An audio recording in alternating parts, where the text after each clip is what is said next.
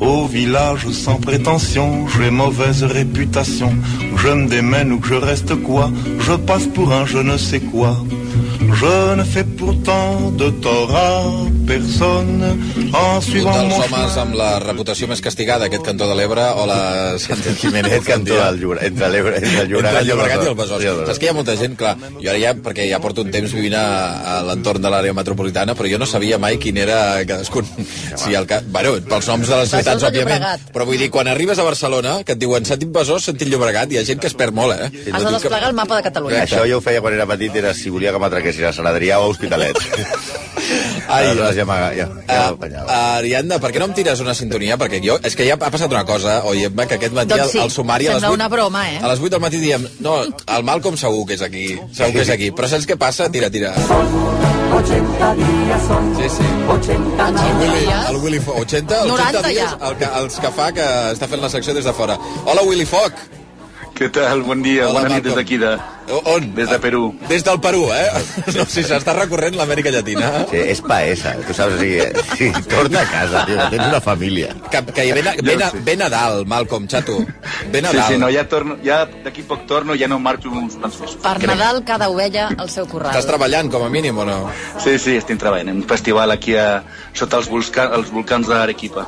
Molt bé. Sota els volcans d'Arequipa, sí. tu. Sí. I allà hi ha un festival de, de literatura. Bé, en tot cas, um, ja han penjat al foto la fotografia del personatge que passarà avui a ingressar al Club dels Il·lustres Execrables. Jo recordava al principi del programa que hi va haver-hi una, una vegada que mm, els il·lustres van bàsicament crear el caos en aquesta antena, més enllà d'Elvis la setmana passada, que déu nhi um, eh, que va ser quan vau parlar de la Mare Teresa de Calcuta. Sí. I quan la Iglesia hemos topado passa una cosa extraordinària. O sigui, la quantitat de missatges que vam rebre aquella setmana de ostres, jo no ho sabia, jo em pensava, jo... Increïble.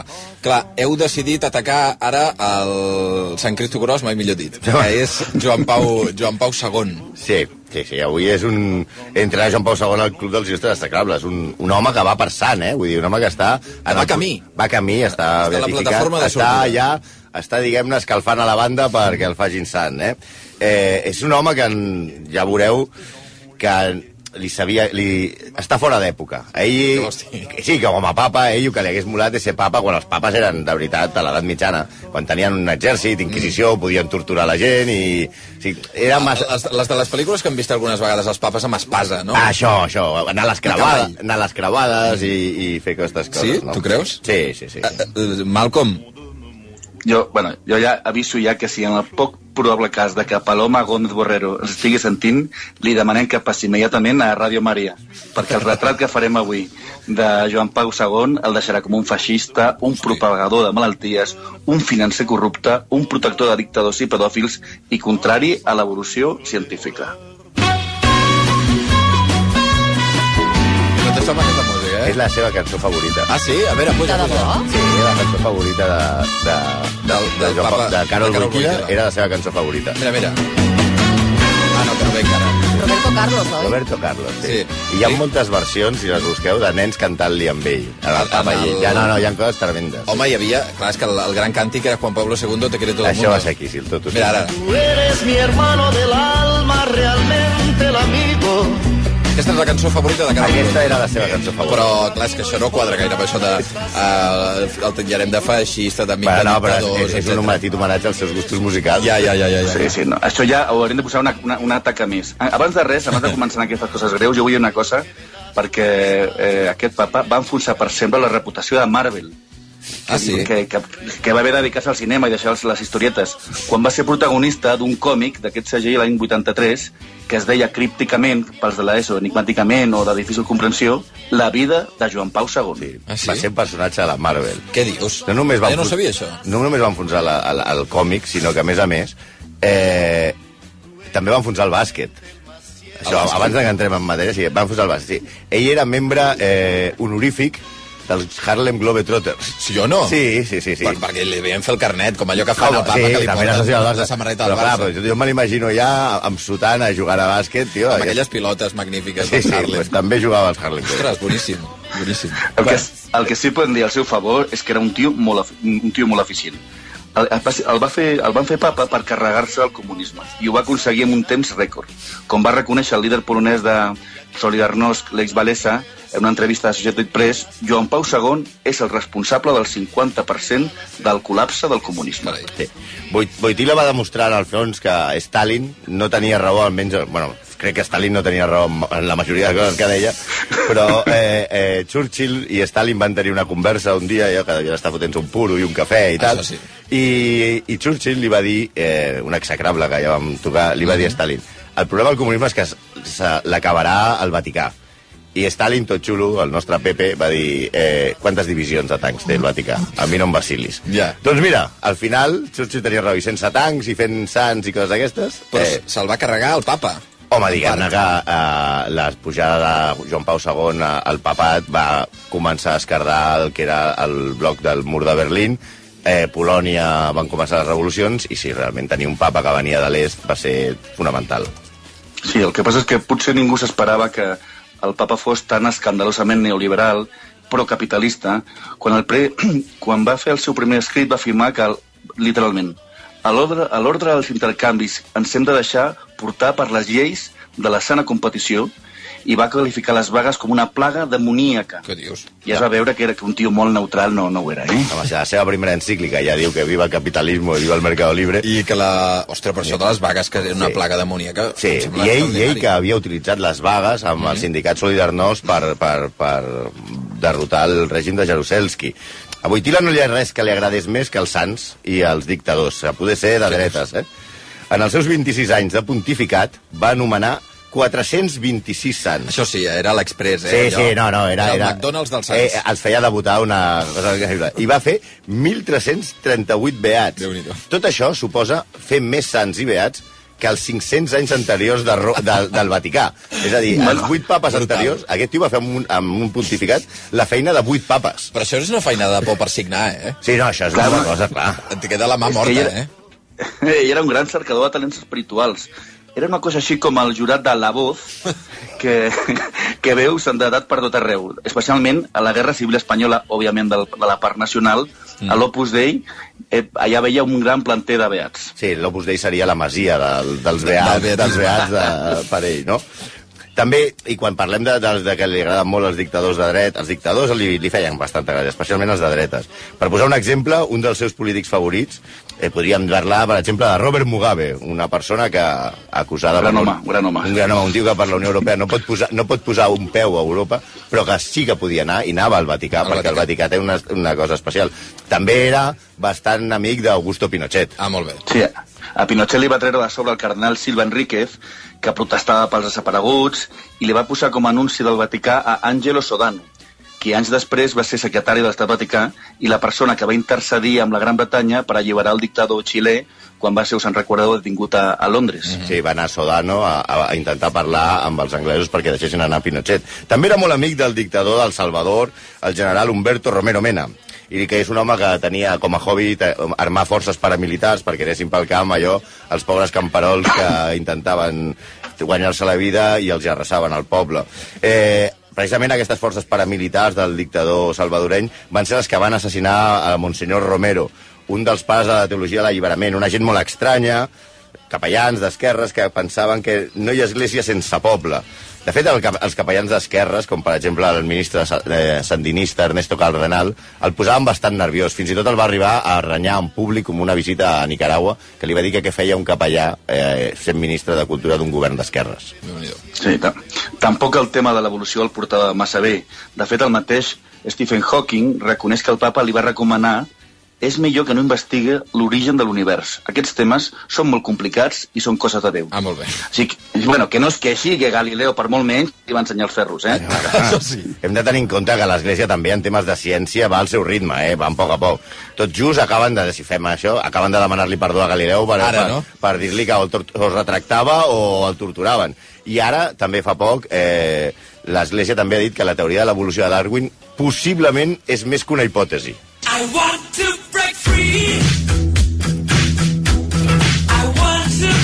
va ser molt polèmic, no, Joan Pau II, amb el tema de la sida. Ah, exacte. Parlant de ciència, Joan Pau II va ser el gran apòstol contra el preservatiu en plena pandèmia terrible de la sida. Segons la revista anglesa New Statement, el papa, amb la seva doctrina, i cito textualment, va contribuir a l'expansió de la sida més que la indústria del transport terrestre i la prostitució junts. Això ho diu una revista New- New New Statement, Statement. sí. Mm. Sí, sí. L'any 88, amb la sida delmant les poblacions més desfavorides d'Àfrica, Joan Pau II va dir textualment que la doctrina de l'Església no admet excepcions, ni tan sols pels infectats de la sida ni els que utilitzen el preservatiu per prevenir-la.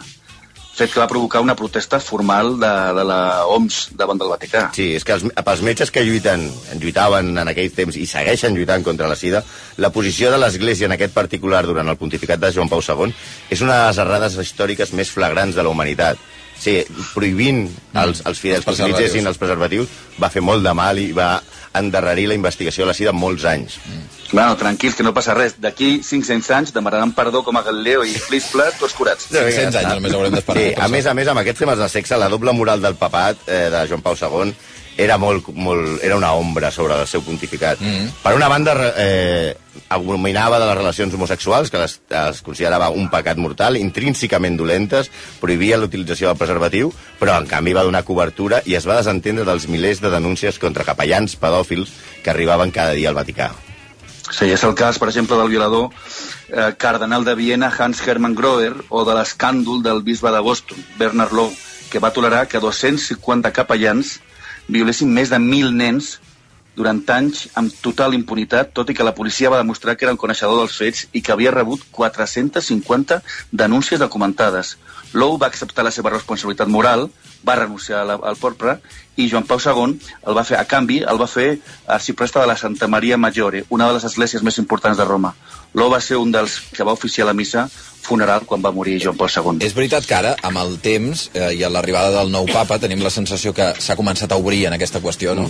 Però, però sí que és veritat que hi ha una època fosquíssima Home. en què, en què aquest tipus de denúncies quedaven absolutament en calaixos. el eh? tema de Viena, de, de, del bisbe de Viena va ser terrible, Mm. va tenir molt, molta volada al centre d'Europa, i el tema de Boston aquí també es va tapar molt, però Sí. sí. a, pels Estats Units fins i tot hi ha moltes pel·lícules, hi ha la pel·lícula aquesta de Sleepers i tot això que s'han fet moltes novel·les sobre això. Però és que encara hi ha més, eh? Joan Pau II va ser el protector principal d'aquest senyor que ara sona més, que es diu Marcial Maciel, mexicà, fundador de l'Ordre dels Legionaris de Crist i un criminal sexual de primera magnitud. Maciel era el braç executor del papa Sud-amèrica, li arreglava els viatges, li organitzava les visites als països i el que li preparava el terreny en general. A canvi eh, d'aquests favors, la seva ordre, els legionaris de Crist, va ser, juntament amb l'Opus Dei, l'organització eh, catòlica que més va créixer durant el pontificat de Joan Pau II. Va fundar orde, eh, universitats, ordenar capellans i ha creat un grup empresarial paral·lel que es diu Integer, que té un valor aproximat de 25.000 milions Això d'euros. durant el papat de Joan Pau Sí, II. van començar amb quatre capellans i ha acabat sent una de les, una de les organitzacions eh, més influents en els governs ultradreta del món.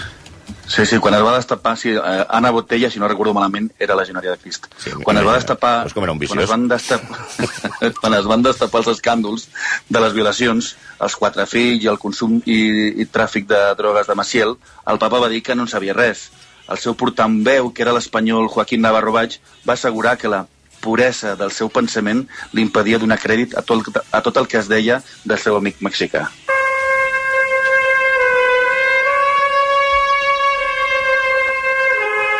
Parezca Un accident. un accidente. Per això, Aquí- eh, eh, o sigui, també una mica... Home, aquesta és la part, aquesta aquest, part. aquesta és la part més, més bona. Aquesta Sí? és. Sí. On, on, on Aquí és, és- aquí és on és Imbatible, imbatible. sí. Sí, sí, aquí és, quan es posa a remenar calés és on és imbatible. Segurament el seu pontificat li ha donat a la literatura i al cinema més arguments que el papa Borgia.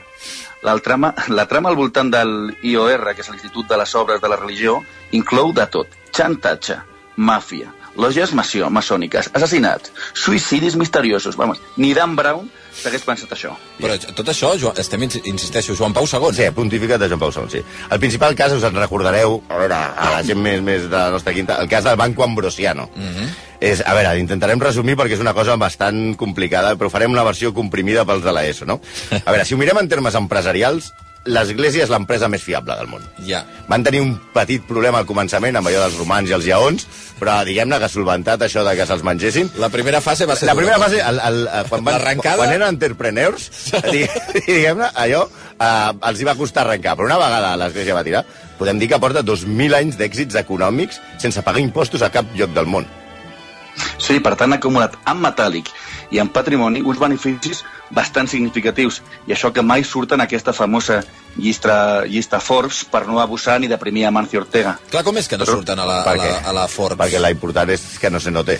Sí, eh? No, però vull dir, vull dir potser és perquè... Eh, qui és el que té els calés, realment, no? Perquè Mancio Ortega, pots dir, és Sí. Amancio Ortega, i aquí potser no podries dir una sola persona. Bueno, o sí? Déu. Déu, clar. Ja, ja, ja. ja. Ah. Però clar, No, no, resulta administrador és el papa. Ja, ja, ja, ja. És el conseller de l'ANAT, diguem-ne, no? Sí, és el CEO. Sí.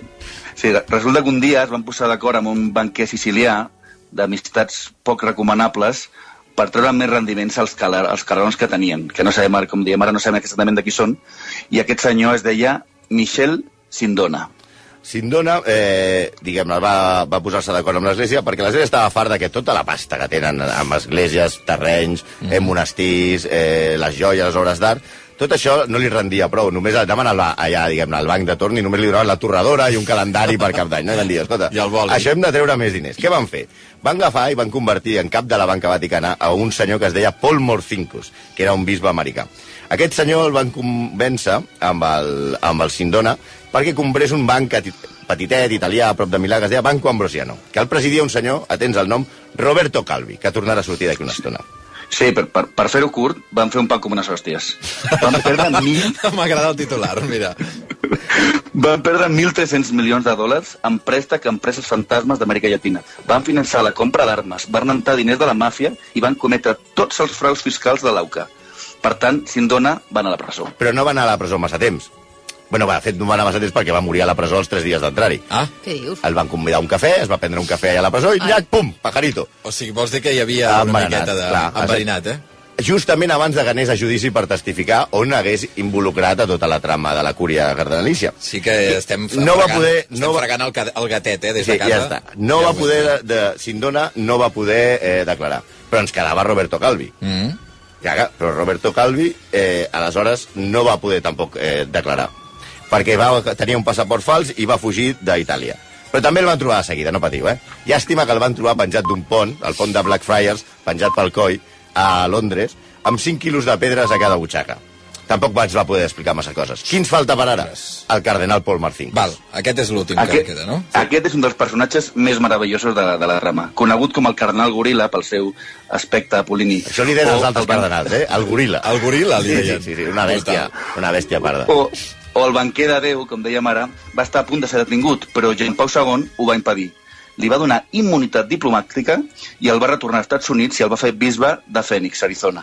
És el personatge en què es basa Coppola com a l'arcobisbe Gildoy a El Padrino 3. Ah, d'acord, d'acord. O sigui, el personatge original és Marcinkus. És Martín. Sí, exacte. Ah, d'acord, d'acord. Joan Pau II va assumir la responsabilitat moral de la fallida de la banca, però ningú més ja va anar a la presó i es va tancar el tema.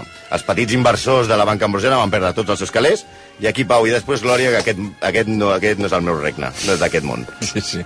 Sí, per tant, com, com defensa el teòleg eh, suís Hans Kung, a qui Joan Pau per cent, per, per segon, per cert, li va prohibir donar classes, el període de Joan Pau II al front de l'Església es pot definir com una era en la que els bisbes es creien governadors romans i no, i no servidors dels creients, i en el que els teòlegs o escrivien en conformitat o callen. En fi, Un Un veritable sant. Sí, de fet, Sí. hi ha algun oient que ens ha dit... A veure, Emma... La frase final que acabes de fer, uh, Santi, és correcta. És un veritable sant des de fa més Sí. d'un any, perquè el Sí, 27 d'abril del 2014 el papa francès va declarar Joan Bé, Pau II sant. I després hi ha hagut un altre oient que ens ha recordat Sí. que l'expresident Josep Lluís Núñez, del Barcelona... Sí, del Barcelona. Del Barcelona. Del Futbol Club Barcelona. El president, el 7 de novembre del 1982, aprofitant una Sí. visita del, Joan, del Soci papa 100.000. Joan Pau II, sí senyor, el va fer, el va fer soci. Sí, sí, sí. 108.000. El Però l'actualització del cens va Sí. moure aquesta xifra. No és ara el 108.000. Ell va morir, evidentment, l'any 2005. És el 103.350. I el soci no se'l pot enganyar. Exacte. I la, de les 10 i 2 minuts, la setmana que ve què? Ara, La setmana que ve... Joan Pau II. Ah, mira, ja baixarem, ja anirem a un, a un home que de sant no té res, però que era un perla i que ens va donar les ganes de glòria. Honoré de Balzac. Oi. Què? Mira, només per, només Sí, per dir una cosa, titular. un dels seus llibres que s'ha trobat inèdit es diu L'art de pagar els seus deutes sense gastar un cèntim. Ah, mira que bé. Boníssim. Les, és, és llibre d'autoajuda, Sí, eh? aquest, sí, segurament, en, si existeix un lloc on estan a- a- els, els, deut, el, els, els jetes del món, Sí. Balzac estarà en Vázquez. Les 10 i 2 minuts, gràcies, eh, Santi? A vosaltres. Eh, et veiem A la setmana que ve, en principi, Malcom, o no? No, la setmana que ve encara no. La Ah, setmana... tampoc. Val, d'acord, doncs res, ja quan... Vuelve a casa, el dia que tienes una Ja, el dia que tornis i no ens reconeixerem. Gràcies, Malcolm. Una abraçada. Una abraçada.